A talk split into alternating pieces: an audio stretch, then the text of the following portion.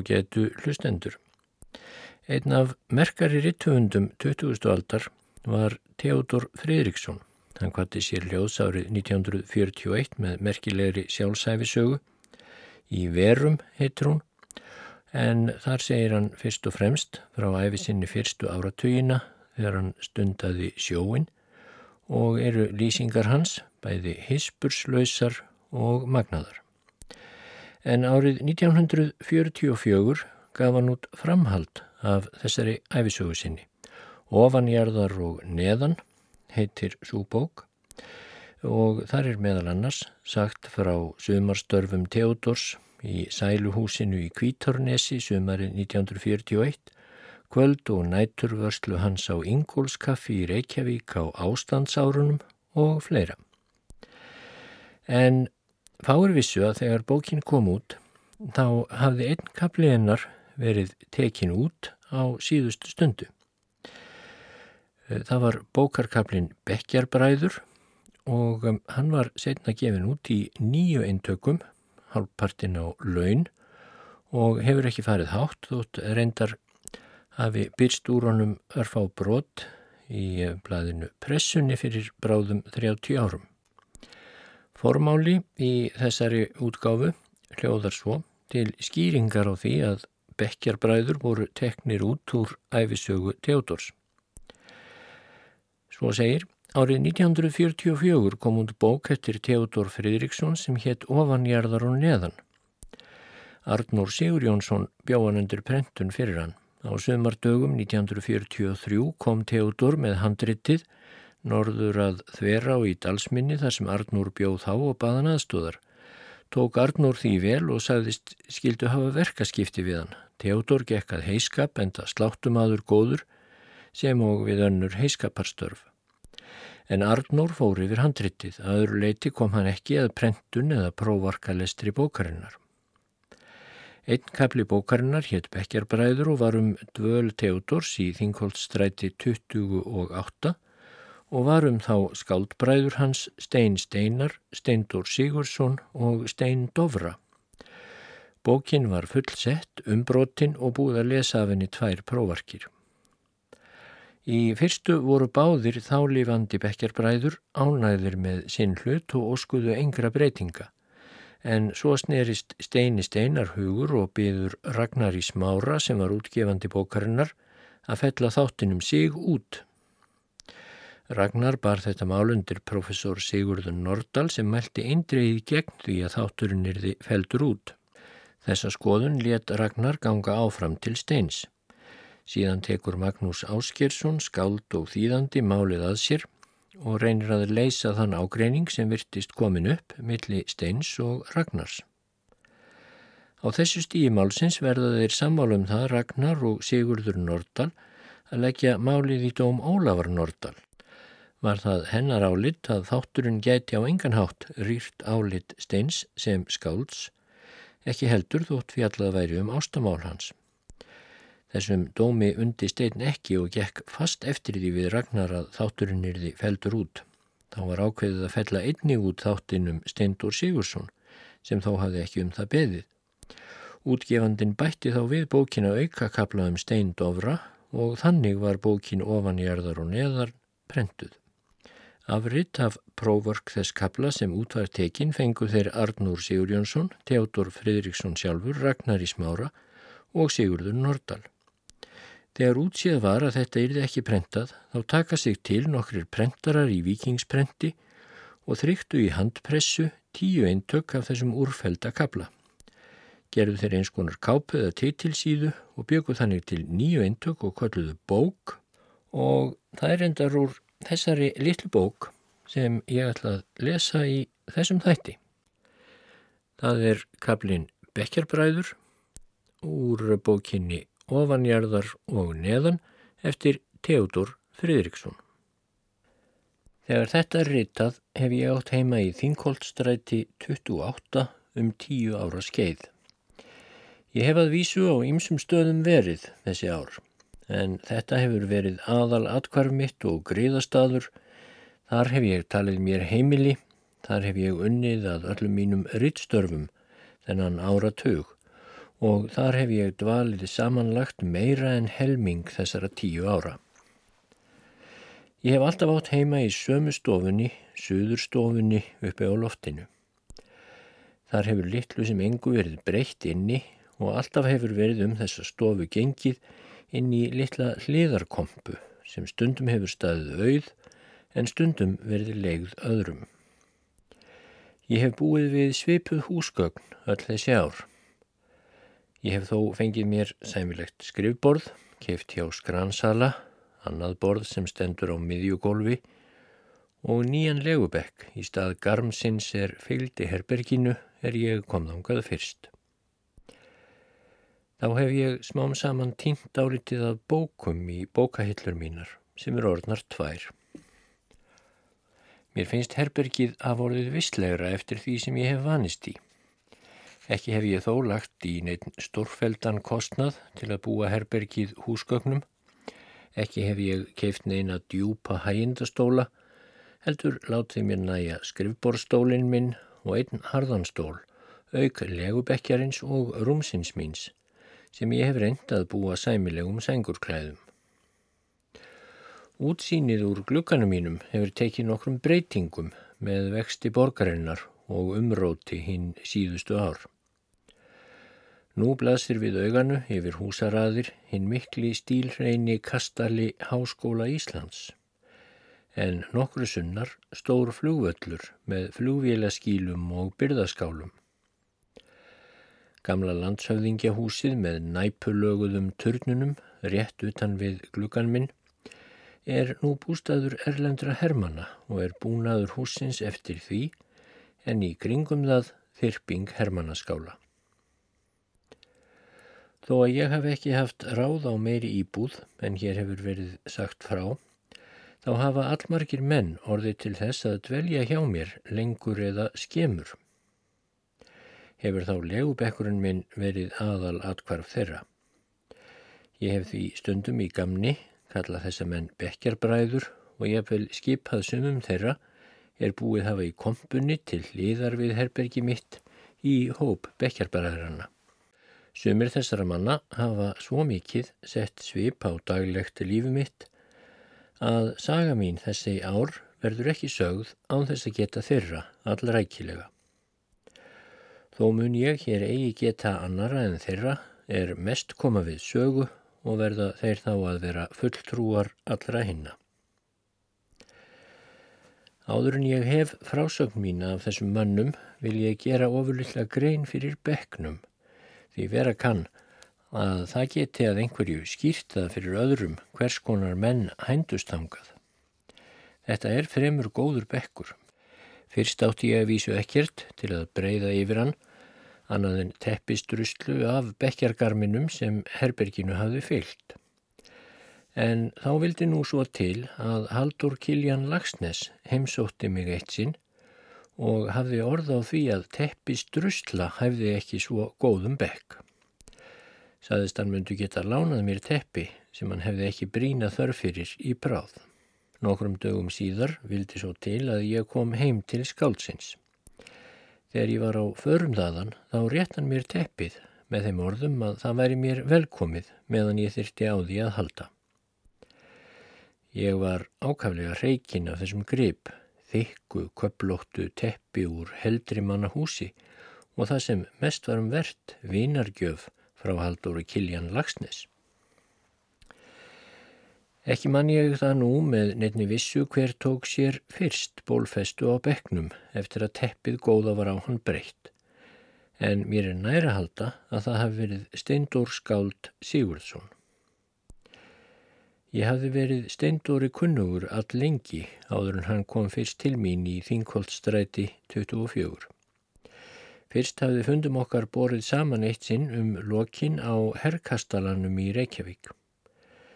Ég var þá á leið norður heim til Húsavíkur en hann var nýkominn frá útlöndum.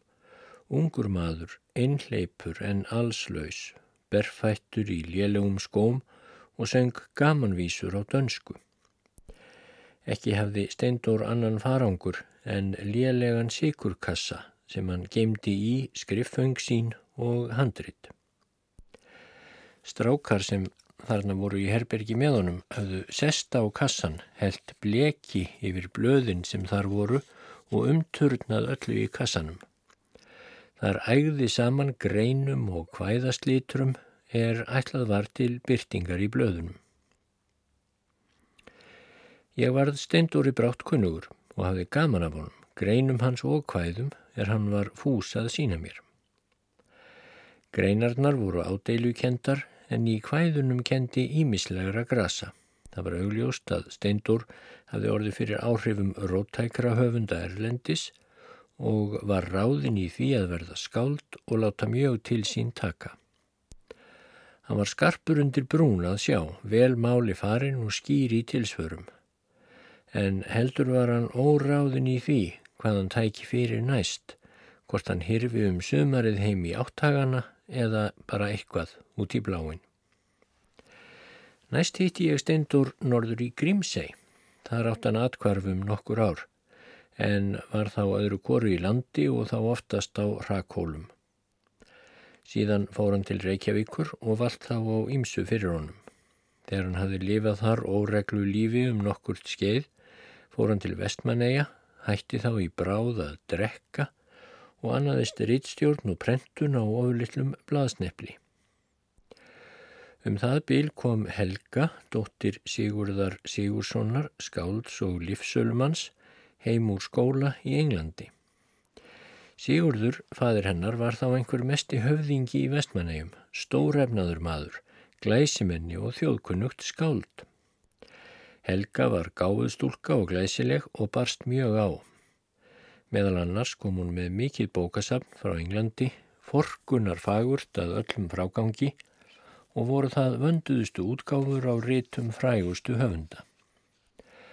Fundum þeirra Steindors var nú brátt saman og giftist Helga honum, mót vilja foreldra sinna. Eftir það fjallu þau Helga og Steindor í drikkjuskap og óreglu, fyrst á lánstraust og kostnað foreldra hennar. Bækur Helgu, hinnar fögru og vönduðu, fóru ímist til vingjafa til drikkjufélaga eða beinlínis fyrir vínföng.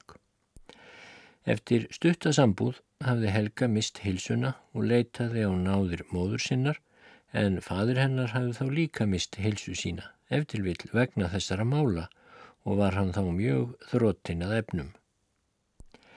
Þrátt fyrir þetta dreymdi Steindór en mikla drauma um ritthundarfræð fór hann nú til Noregs í slóð Kristmanns Guðmundssonar sem þar hafði aflaðið sér fræðar sem höfundur á norsku en Steindur steitti þar á sama skerinu og heima.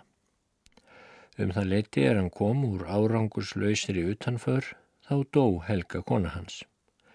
Dreng eignuðist þau Helga og var drengurinn alin upp hjá ömmu hans. Eftir þetta lifiði Steindór ævintýralífi í Reykjavík. Fjár aflaðan sér helst með því að semja reyfarasögur eða ævintýralega rítgerðir til að selja á göttunni. Gettið hann þess nokkuð að drekka ekki meðan þetta var í undirbúningi en tók svo sín verðlun fyrir dugnaðin og reglusemina með því að fara á sjóðandi túr þegar verkinu var lokið. Stundum bjóð hann með kvennmönnum sem hann taldi vera unnustur sínar en þegar upp úr þeirri sambúð slitnaði þá átt hann hvergi höfði sínu að halla. Þá bar svo stundum við er ég var háttaður og las undir svefnin í rúmi mínu að dömpað var í hurðina. Ég þekkti þá strax að þarna var steindor á ferðinni, fullur. Ég kendi brjóstumann, gæti ekki útýst honum og hafði ég eppil innanum og saman við gaman af honum þegar hann var að búa um sig á bekknum sem ég let honum til reyðu. Stundum kom hann svona kvöld eftir kvöld, ég vel gæt komið fyrir að hann hefði hjá mér húsaskjól vikum saman. Þótt ekki væri um það talað nema fyrir eina nótt eða tvær. Oft var steindur blöðgeðja og sóttu þá aðunum sár yðrunarköst en ef hann gætt varist því í nokkra daga að drekka, þá gætt hann stundum orði hress í bræði, skáldlegur í skrafi og sá þá alls konar hillingar, engum um framtíð sína á bókmyndasviðinu. Aldrei var hann umtalsýtlur um aðra menn og sjálfur hafði hann eitthvað það við sig sem laðaði aðra aðunum þrátt fyrir allan bjálfadómin. Þó ég læsi stundum yfir honum langar leksíur um ráðslag hans, fyrtist hann ekki og mér var þrátt fyrir allt því þel hlýra til hans sem ég kynntist honum meir. Veturinn 1937-8 bjó steindur hjá mér mánuðum saman og svaf flestar nættur á beknum. Hann hafði er best líka kílindi fyrir honum í vestmannegjum gefið út ofurlítið ljóðakver er hann nefndi skóljóð. Nú var honum það í hug að gefa þessi kvæði út að nýju á samt því er hann hafði orrt síðar og taldi sér geta átt heima í þessu safni. Þetta gekk í miklu baksi en það urðu frátafirnar margar. En að lokum tókst honum þó að koma nokkru af þessu kvæðasafni sínu út í dálítilli bók er hann kallaði söngva og kvæði. Oft bar svo við að Steindur kemi heim mjög fullur. Einu sinni er hann svafins og rottaður fram yfir miðjan dag Þá leist kunningja okkar Steini Dovra sem þá bjó í hlýðarkompunni ekki á blíkuna og kallaðan Steindór Sáluga alltaf upp frá því.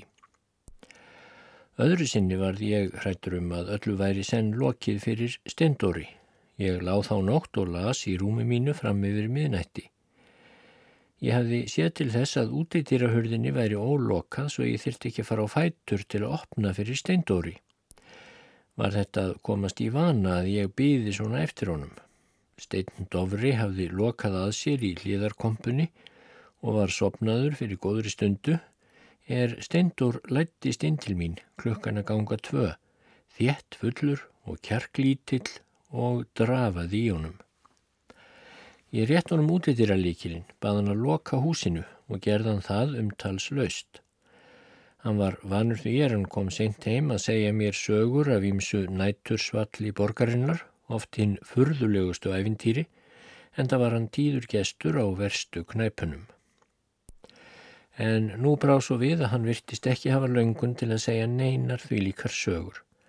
Heldur kvartaði hann um innan þrautir, lagðist fyrir í bekknum og breyti yfir sig reikfrakka. Mér síndist hann myndi vera talsvert lasin og hafði ég orð á því að hann myndi hafa drukkið einhvern óþörran. Hann hvað sér það ekki komað sög þó hann drikki lampaspritt eða hristing en sagði frá því að hann hefði borðað sviðakjamma á einni veitingakráni um kvöldið og myndi hafa verið farið að slá í kjamman. Ég las þá yfir honum pistil um það að hann myndi hafa glift eitt þessara svarbláu kjamma því ekki myndi vera skeitt um það á þessum stöðum sem hann vendi komur sínar á þóttu þau væru örlítið fornsóðin, sviðin sem hampað væri framann í drikkjurúta sem kortið er væru orðnir blindaðir af lampaspritti og hristingi. Og ég brindi fyrir honum að það væri rétt að spara sér því líkar kræsingar en er ég ætlað að slökva ljósið þá leist mér ekki á líðan steindors því hann gatt nú ekki lengur harkað af sér, heldur lág með hljóðum í beknum. Allir voru sopnaður í húsinu og var mér ekki undan á í síma nema vekja fólk af fasta svefni. Ég snaraðist því niður á lögreglustöð til að ringja eftir næturlækninum og flýtti mér síðan heim til að vera hjá steindóri. Læknirinn kom eftir litla stund, gekk ég um golf fyrir utan herbergistyrnar meðan hann skoðaði sjúklingin. Um leið og ég fylgd honum til dýra spurði ég hvort Steindor hefði fengið botlangabólku. Því neytaði læknirinn og hvað Steindori myndi batna ef hann fengi nöðsynleg meðöl. Þegar ég kom inn til Steindors aftur hjælt hann á livseðli frá lækninum og varð ég að sækja meðölinn í Liviabúð Reykjavíkur sem opin var þá nóttina. Þar varð ég að býða drikk langa stund eftir afgreðslu og greiða svo meðulinn úr eigin vasa við móttöku þeirra. En þegar Stendur hafði fengið lifin þá línuðust þrautir hans og var hann komin í verð fyrir morgunin.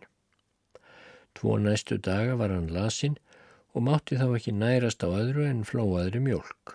Þegar hann hafði náð sér ámyndi ég hann um að drekka nú ekki eins og vittlaus maður og forðast eftir mætti að gleipa úldin svið. En ekki bar svo árangur langstæðan árangur. Þegar hvæðabók Steindors var fullprentuð, gekk hann að því af kappi að koma henni út til áskrifenda. Bókina gaf hann út í tölusettum og árituðum eintökum og seldi eintækið á tíu krónur. Bárust nú aðunum margir tíu krónaseðlar og risu enn upp í honum margskonar hillingar um betri tíma framundan. Var efst í honum að fá sér ný fött og snirta sig til. En fljótlega sótti í gamalt horf með drikkjuslark og þóttu mér peningarnir fara fyrir lítið hjá skáldinu. Eitt eintak gaf steindur mér af bókinni, af vinsemt sinni og fyrir það skjólshús sem ég hafði skotið yfir hann. En litlu setna þurft hann að fá bókina lánaða hjá mér og hef ég ekki séð hana síðan. Þegar leiða sumarmálum varð Steindór enn meirlindari enn fyrr og fekk oftar yðrunarkostin. Mér síndist líka að brátt hliti öllu að verða lokið fyrir honum. Hann kom þá ekki í bekkin tvær eða þrjár nætur og hefur líklega leið einhver staður í útísum fullur. Þegar hann kom aftur lág hann heila nótt andvaka og bar sig illa. Ég tók honum þá tak eins og ég var maður til, sað honum að annarkort yrðan að ganga í bindindi eða ganga í sjóin. Brá annars vegar upp fyrir honum hyllingum um það hvað verða mætti ef hann tæki sig á, en hins vegar lísti ég því með sterkum litum hver umlegt það líf væri sem hann lifiði. Dægin eftir brá svo við að hann bragðaði ekki áfengi og um kvöldið fór hann að ditta að sér eins og illaförnu húsi. Tveimur dögum síðar saðan mér að hann væri gengin í bindindi stúku. Á stúkufundunum komst hann brátt í kynni við glæsilega konu. Þarna var þann hrókur alls fagnaðar um nokkurn tíma, orti gamanvísur og helt þrumandi bindindisræður. Um vorið fekk hann lekt herbergi hjá fróni. Nú gerðist Steindor hugfullur til nýra dáða. Hann kom á fót fortbókasölu með öðrum manni, samt í nýjan bækling er hann seldi á göttunni og fekk mikið fyrir fyrir. Þegar síldinn tók að veiðast um sömarið þá brá hann sér norður til síklufjörðar með allmikinn slatta af bæklingum og höfðist taka þar upp mikið fyrir. En þar var þann enn fyrir reynslu Páls postula. Það góða sem ég vil gjör ég ekki en það vonda sem ég vil ekki, það gjör ég. Hann fjell nú á sinni gömlu rösunar hellu. Um höstið var ég eitt sinn statur niður við höfn að kvöldlægi. Ég er lagsfoss, rendi sér upp að bryggju. Mart manna kom með skipinu, þar meðal Steindur Sigursson. Hann tók mig tali undir eins og hann stegi í land. Hann var undir áhrimu víns en ekki til líta. Nýrakaður var hann og hreinlega til fara. En hann var brotinn og begður og mest kveiðan fyrir því að standa fyrir augliti frúarinnar. Hann gekk með mér heim og satt hjá mér nokkra stund. Ég stakk upp á því að hann leti endurreisa sig í stúkunni. Hann tók því ekki fjærri ef frúin tækjónum vel og baðan mig að ganga með sér til fundarviðana. Ekki veit ég hver orðið hafa orðaskipti steindors og frúarinnar, en hann fekk að búa áfram í herbergi því er hann hafi lekt og skammi síðar var hann endurreistur. En svo endurreist varð ekki laung. Steindór rökklaðist frá bóksölunni um veturinn og öll hans áform urðu eins og þýril þokur sem aldrei verðaða stjörnum. Fundum okkar bara nú saman öðru koru því hann leitaði skjóls hjá mér nótt og nótt þegar hann var verst á sig komin. Haustið 1941 urðu óurleg húsnæðisvandræði í Reykjavík. Þá fengu inn í litla herberginu inn af stofunni minni þau hjónin Stefán Runolfsson og Margrét Helgadóttir með tvær elskulegar smástúlkur er þau áttu. Margrét var dóttir Kristínar Þorsteinsdóttur, grannkonu minnar þarna á loftinu af fyrra hjónabandi hennar. Þegar þau hjónin urðu húsnæðislaus kom Kristín til mín og oskaði eftir því að ég stæði ekki á móti því að þau hjónin fengju að vera þarna meðan þau útveguðu sér íbúð. Ég gæti ekki amast við þessu eins og á stóð. Þetta reyndust mér góður nábúar sem gættu þess furðulega vel að tröfla mig sem minnst þegar ég vildi vinna heima. Varð Margrét þó að elda á oljuvél fram við dyrnar á herberginu mínu og gæti ekki komist hjá því að ganga um það. En ég var undrandi yfir því hvað hún gekk vel um og hvað litlu dæturnar hennar voru háttprúðar. Ég hafði af þeim meiri ánæju en óþægindi en auðvitað var nú svo mjög ferð að þrengjast um að ég hafði ekki lengur góðar ástæður til að taka gesti í bekkin. Sumarið sem þá var nýliðið hafði ég ekki séð stendur en frétt hafði ég að hann hefði bröðið sér í vegavinnu um sumarið. Laust fyrir veturnætur rakst hann heim til mín sentað kvöldi og röppuðu við þá lengi saman. Hann var vel á sig komin eftir sumarið og hafði sapnað nýjum kröftum. Hann saðist verið undirbúa útgáfa á nýri ljóðabók er hann nefndi við lifum eitt sumar.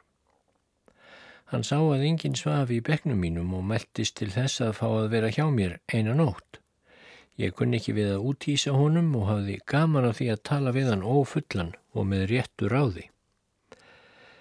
En það tók ég fram að ég geti ekki haft gesti til lengdar eins og hann geti auðveldlega séð. Svo fór að Steindur kom kvöld eftir kvöld og baðst gistingar. Bjóðan hjá mér og svaf í bekknum hverja nótt fram yfir áramót en þá varði ég að láta hann fara. Ég komst að því að hann hafði enn ratað í ný ástaræfintýri og varðum það rauna saga sem ekki verður sögð hér. Þegar leið á veturinn laðist hann enn í drikkjuslark og þá var heilsan tekin að bila að verulegu leiti. Svo hvað stendur að baki mér brunnu skipin, bálið við hímin lék, við hrundar, draumahallir, ég hljóður ofan tek.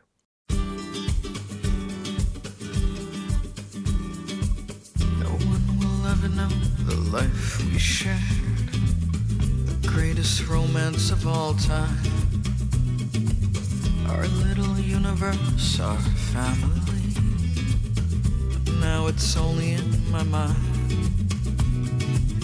Our life may not have been unusual, like all the millions come before. But to us it meant everything. Greatest story ever told. Here's the part where we are laughing and drinking champagne in a restaurant. Here's the part, here's the part, here's the part where we are dancing. It's like a postcard in my heart. Here's the part, here's the part, here's the part. I passed the buildings we once called home. The blueprints burned into my dreams. When now new stories are written our love just one of many. Back when you looked just like a movie star, and I was also not too bad. I'll keep that universe inside of me and carry on best I can. Here's the part where we are laughing and drinking champagne in a restaurant. Here's the part. Here's the part, here's the part where we are dancing. It's like a postcard. My heart. Here's the part, here's the part, here's the part where we are laughing and drinking champagne in a restaurant. Here's the part, here's the part, here's the part where we are dancing. It's like a postcard. My heart. Here's the part. Here's the part, here's the part.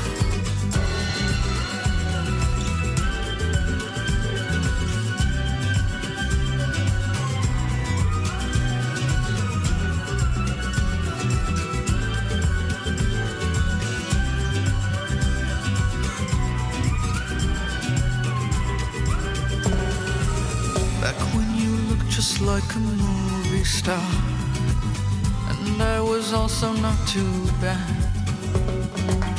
I'll keep that universe inside of me and carry on the best I can. And here's the part where Fundum okkar Steins Steinars bar fyrst saman í sölum ríkisútvarpsins í Reykjavík. Ég beigð þar á byggstofunni eftir því að á mig væri kallað til að lesa upp ofurlítinn sögukabla. Það var öðrum manni vísað þangað inn í stofuna. Ekkert fannst mér stórfenglegt við þennan mann. Hann var á stærð við fermingardreng, hold þunnur og visin allur. Hann var mjög fátæklega klættur og hyrðuleysislega, skór hans opnir og skakkir. Hann settist anspænis mér og fletti nokkrum blöðum Svo yrt hann á mig og myndi mig á það að ég ætti að fara að hljóðnefnum á undan honum. Hann nefndi nafn sitt einarðalega en dáltið hart og höstuglega. Ég kannadist svo sem við Stein Steinar, hafði heyrt hann lesa nokkur frumsamin ljóð í útvarpið og lesið hafði ég hvæði eftir hann í blöðum og tímaritum, svo þetta var þá Stein Steinar. Ég sá þess enn eitt dæmi að gáfur manna fara ekki eftir holdafari og líkamsvexti. Ég fór að virða mannin betur fyrir mér. Já, já, ekki myndi hann bera mikla virðingu fyrir mannfólkinu, svona yfir leitt. Þegar ég hafði lokið mínum lestri hitti ég Helga Hjörvar, skrifstofumann útvarpsráðs. Ég spurði hann um stein, hvort hann myndi vera mjög fátækur. Helgi sagði að menn myndu ekki geta verið öllu fátækari að veraldar auði en efni væru í honum til að verða gott skáld og færi slíkt ekki eftir auð, fötum eða vakstarlægi. Frá þessari stundu þekkti ég stein steinar frá öðru fólki á göttum Reykjavíkur. Ég hafði gaman af að hitta á göttu og varð brátt með okkur góður kunningskapur. Fór steini þá líkt og steindóri sigur sinni að hann leitaði skjólsjá mér á bekknum þegar hann átti ekki víst annað atkvarf er hann kaus heldur.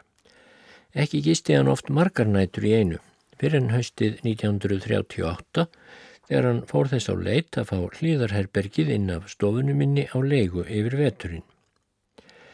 Ég mælti með því við Holmfríði Gísladóttur að stein fengi herbergið. Treysti ég því að hann myndi ganga vel um, okkur kemi vel saman í nábílinu og að hann stæði í skilum með húsaleguna 15 krónur á mánuði. Steini saði ég hins vegar eins og var að engin húsgögn væru í kompunin nema aflóa bekkur sem ekki væri und að bjargast við til lengdar. Mér skildist á Steini að ekki skipti miklu máli um húsgögnin, bara það að hann fengi herbergið.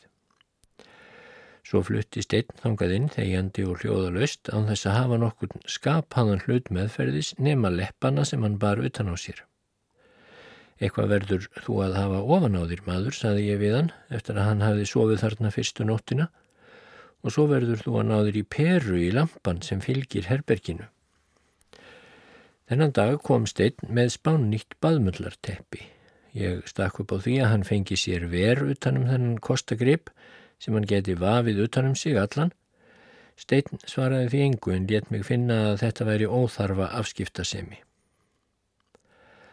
Heldur var steinn þurra á mannin og fár í tali kvestagslega. Ekki var hann heldur nema í meðalagi góðgjarn í umtali um aðra menn og fullur var hann fyrirlitningar á borgarlegum reglum og valdi. Ekki var hann drikkveldur svo að hann væri þar ekki sjálfráður vilja síns Stundum var hann þá undir tölverðum áhrifum víns og var hann þá ærslafullur og öri framkomu. Þá gerðist hann opinskár og sagði mér frá ævintýrum sínum og kvennaförum sem hann let talsvert mikið yfir. Vist var að ekki var hann frábyttin kvennfólki og heldur var hann opinskár um þau efni en það hafði ég þá gaman af skaldinu. Brátt komst ég að því að steinn þurfti að bjóða ungri og mentaðri stúlku inn til sín. Mér oknaði að hún skildi geta gert sér bekkjar skriplið að góðu. Ekki kom steinn með peruna og urðu þau, hann og stúlkan, að bauka í myrkrinu þarna inni í kompunni. Eins og gefur að skilja varð steinn oft fegin að njóta eils frá opninum í stofunum minni. Settist hann þá oftast í bekkin minn eða rýslaði í bókum mínum þó hann þættir endar ekki um auðugan garda gresja þar. Eitt sinn er ég kom heimað kvöldlægi sáttu tveir ungir og greindir menn inn í herberginu mínu í hrókaræðum við stein steinar skáld. Þetta kom ekki á neittnátt ítla við mig því ég hafði leift steini að vera í stofunum minni og njóta þar eils þegar ég færi út og eins var honum heimilt að bjóða gestum sínum þangað þegar það trublaði mig ekki. Ég var þá heldur ekki það meinhornað amast við því þótt hann hallaði sér út af á beknum mínum.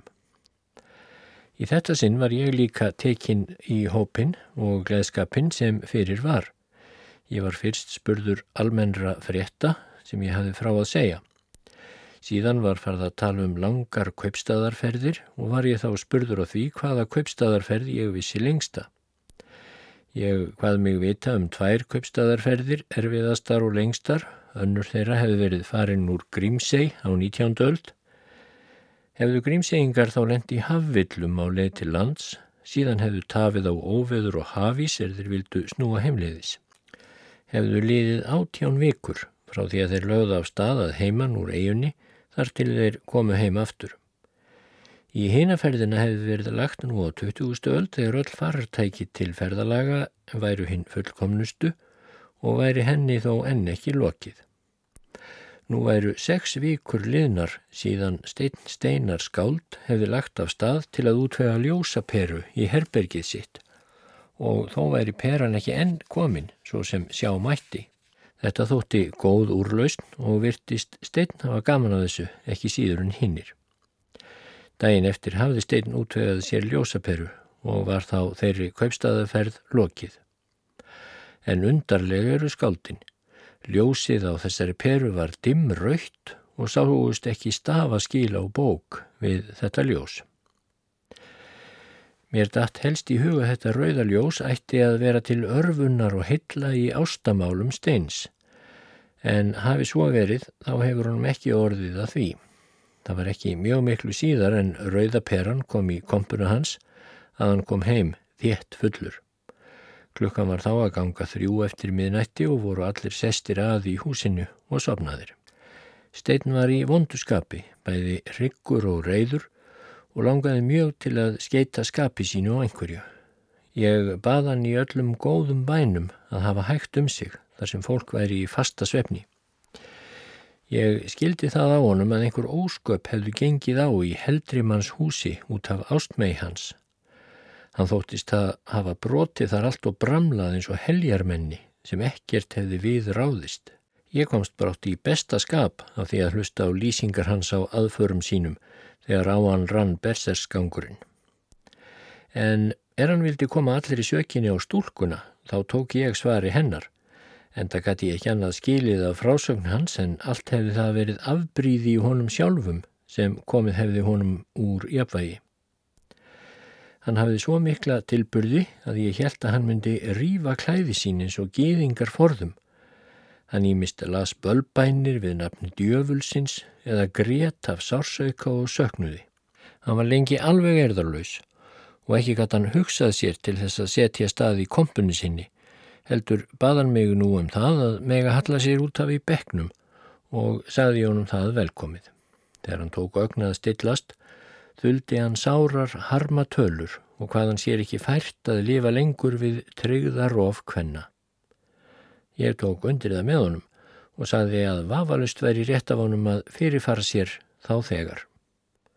En þá var þann reyður, barði frá sér með nefunum og aftók með öllu að farga lífi sínu. Svo reyður var hann nú elskunni sinni að hann hafði í hótunum að sparka duglega í rassin á henni ef hún kemi til hans þarna upp á loftið. Ég bað hann gæta sín, þó að um eitthvað væri að sakast sem ég var ekki vissum, þá skildar muna það að hann væri sjálfur ekki við eina fjöluna feldur í þessum málum og svo væri lítið viti í því að sparka frá sér góður í stúlku ef hún leitaði til hans með bljúgum hug. En annað hvað ég hann geta gert þegar af honum væri runnið en það væri að yrkja til hennar gott kvæði undir nýjum hætti. Steinn var nú smám saman rólegri og þegar hann loksins sopnaði var þann góðulegur og svip. Enda er steinn jafnan fegurri í svefni heldur en vöku. Dægin eftir kom svo ástmægi hans í rökkrinu.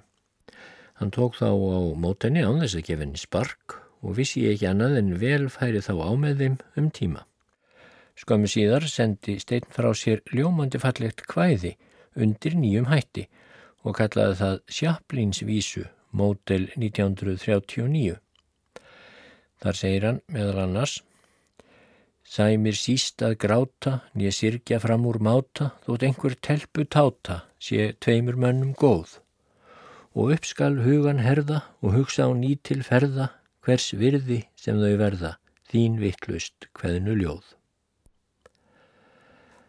Ég leitt svo á að í raun réttri kemið að mér ekkert við hvernig steinn hagaði lífverðni sínu. Nefna hvað ég gæti ekki látið að afskipta löst hvernig umgengni hans var í þessu nábíli við mig. Ég hafði vanist í frá blöytu barsbeini að ganga þrývalega um og fara vel með þess að fáu hluti sem ég eignaðist. En ég hef ekki kynst öðrum eins trassaskap og hyrðuleysi og hjá steini og þó að steindormin væri ekki hyrðusamur þá bar hann um þau efni af steini sem gulla veri. Mér sárnaði þá oft hver hyrðuleysislega stein skildi við bækurnar mínar er hann hafði hönd á þeim. Og þó að Kristín Þorsteinsdóttir sé ekki eins mikið skáld og stein, á ég henni mikið að þakka fyrir það hver vel hún bjargaði oft bókum mínum undan áföllum eftir að stein hafði haft hönd á þeim. Þegar leiðað vorri sáist engar horfur á því að stein ætlaði að útvega sér annað herbergi. Hins vegar bjósta við því að dvelja suður á Reykjaneskaga og hvaðin tíma um sumarið en láta þá fyrir berast þarna á loftinu að öðru leiti. Hann var þá eitthvað að glíma við þýðingu og útlendur riti en ekki var hann fullar áðin í því hvort hann ætlaði að halda því verki áfram eða hætta. Þetta sumar fór ég norður í Flatei á Skjálfanda og dvaldi þar á annan mánuð. Skömmu áður en ég lagði af stað í þá för leitaði steinn þess til við mig að ég legði honum stofuna mína meðan ég væri burtu. Ég neytaði því. Sáðunum að hann hefði hlýðarkompun að legða og ætti þá ekki við að ég færi að leiði honum mínastofu.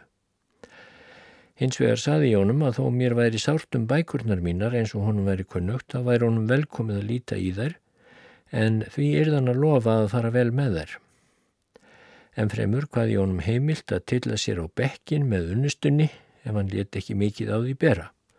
Ég gæti líka búist við því að hann tæki tröstataki á bekknum meðan ég væri burtu, svo mér síndist fara betur á því að leifonum það bara. Ég kom svo heim eins og ég hafði gert ráð fyrir í lok ágústmánadar að kvöldidags.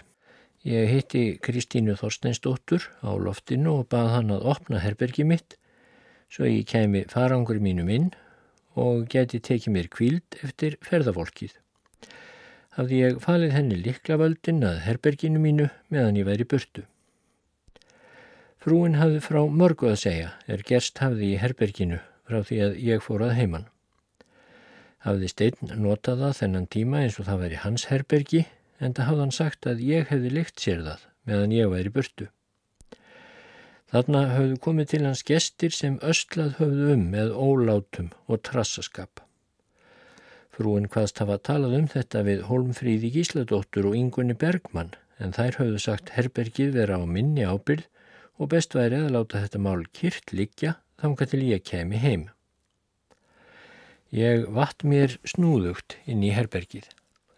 Hvert í sjóðandi helvíti kom mér fyrst í hug.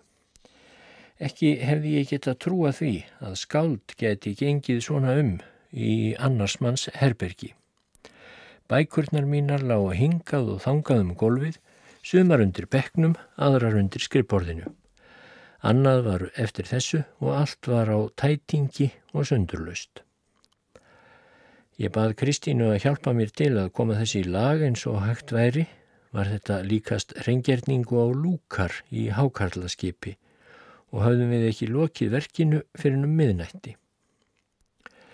Steinn kom heim um það leti er ég var að raða bókum mínum upp í hillurnar. Ég bent honum á umgengni hans og las yfir honum skammirnar í því skapi að hann gatt lítilli vörn fyrir sig komið. Sagði ég honum afdráttar löst að slíkur trassaskapur sem þessi væri ekki sambóðin nokkuru skaldi. En þrátt fyrir þessu umgengni steins gæt mér ekki orðið kallt til hans. Ég bæði kendi í brjóstumann og dáðist að sumum hvæða hans. Stein þóldi mér hins vegar þótt ég aðdyrtan fyrir eitt og annað ef það var ekki skálskapur hans. En það þóldi hann gorki mér niður öðrum að lítið veri gert úr ljóðum hans. Þau voru helgidómur hans og ef hann gætt treyst skáldgáfi sinni þá gætt hann sætt sig við allt annað. Mér fannst ég að vel að hann leti sig ekki neinu varða um neitt í raun og veru nema skáldskapin. En mér fannst samt að skáld þyrti ekki að vera alveg hyrðulegs um alla umgengni við annað fólk. Fáum dögum eftir ég kom heim frá Flatei þá flutti Steit Steinar sig af loftinu. Eftir þetta sá ég hann ofta á rjáttli á göttunum. Ég þá kunnuglega að honum en hann tók vel hverjuminni. Leið svo um hríða við höfum ekkert saman að selta en veturinn 1940 til 41 þá óttu margir bátt með að fá húsaskjóli í Reykjavík og komst ég að því að Steit Steinarskáld var eitt þeirra er hvergi áttu höfðu sínu að halla. Færiði Steitna þá eitt talvið mig að ég mælti með því við Holmfríði Gísladóttur að hann fengi hlýðarherbergið til leigu en það var þá aukt. Ég var alveg hiss á því að hann skildi fara þessa á leit eftir það sem á undan var gengið og grunur var mér á að hann myndi ekki geta staðið í skilum með húsaleguna. Ég sáðunum því að þetta kem ekki til nokkur að mála með hlýðarkompuna en þar sem ég vissi að honum var lífsnöðsinn að fá húsaskjól þá bauði ég honum að sofa á bekknum mínum um veturinn honum að kostnaður lausum. Ekki kom stein, steinar með mikinn farangur fremur enn í fyrraskiptið. Hann átti enn ekkert nema föttin sem hann var í, teppið góða, ver löst til þess að breyða yfir sig og töskubuttu sem hann stakk undir bekkin. Umgengni hans var nú betri en áður hafi verið og aldrei kom hann með neina elsku upp á loftið þennan vetur. Fór vel á með okkur í þessari sambúð en hann var þögull með köplum. Oftast svafan fram að hádegi og röldi þá út. Ég mætti honum ofta á gangi á göttunum, litlum fyrirferðar, berhöfðuðum en því líkum að hann væri í skáldlegum hugleðingum. Ekkert viss ég um hvar hann ól mannin millir þess sem ég hitt hann á göttunni eða hann svaf í begnum mínum, en það nýstist ég lít eftir yngamálum hans. Þó kom það fyrir að ég sá hann borða kvöldverð á Ingólskaffi og virtist hann þá vera matfandur. Stundum sá ég hann þar líka í kunningahópi við kaffiborð síðar hluta dags. Ekki hafði ég hugmyndum hvaðan steini steinar komu peningar til að hann geti haldið sér á floti. Hann var að vísu við og við að selja hvæði, vel ort og einkennileg. Það var fjörekið hans.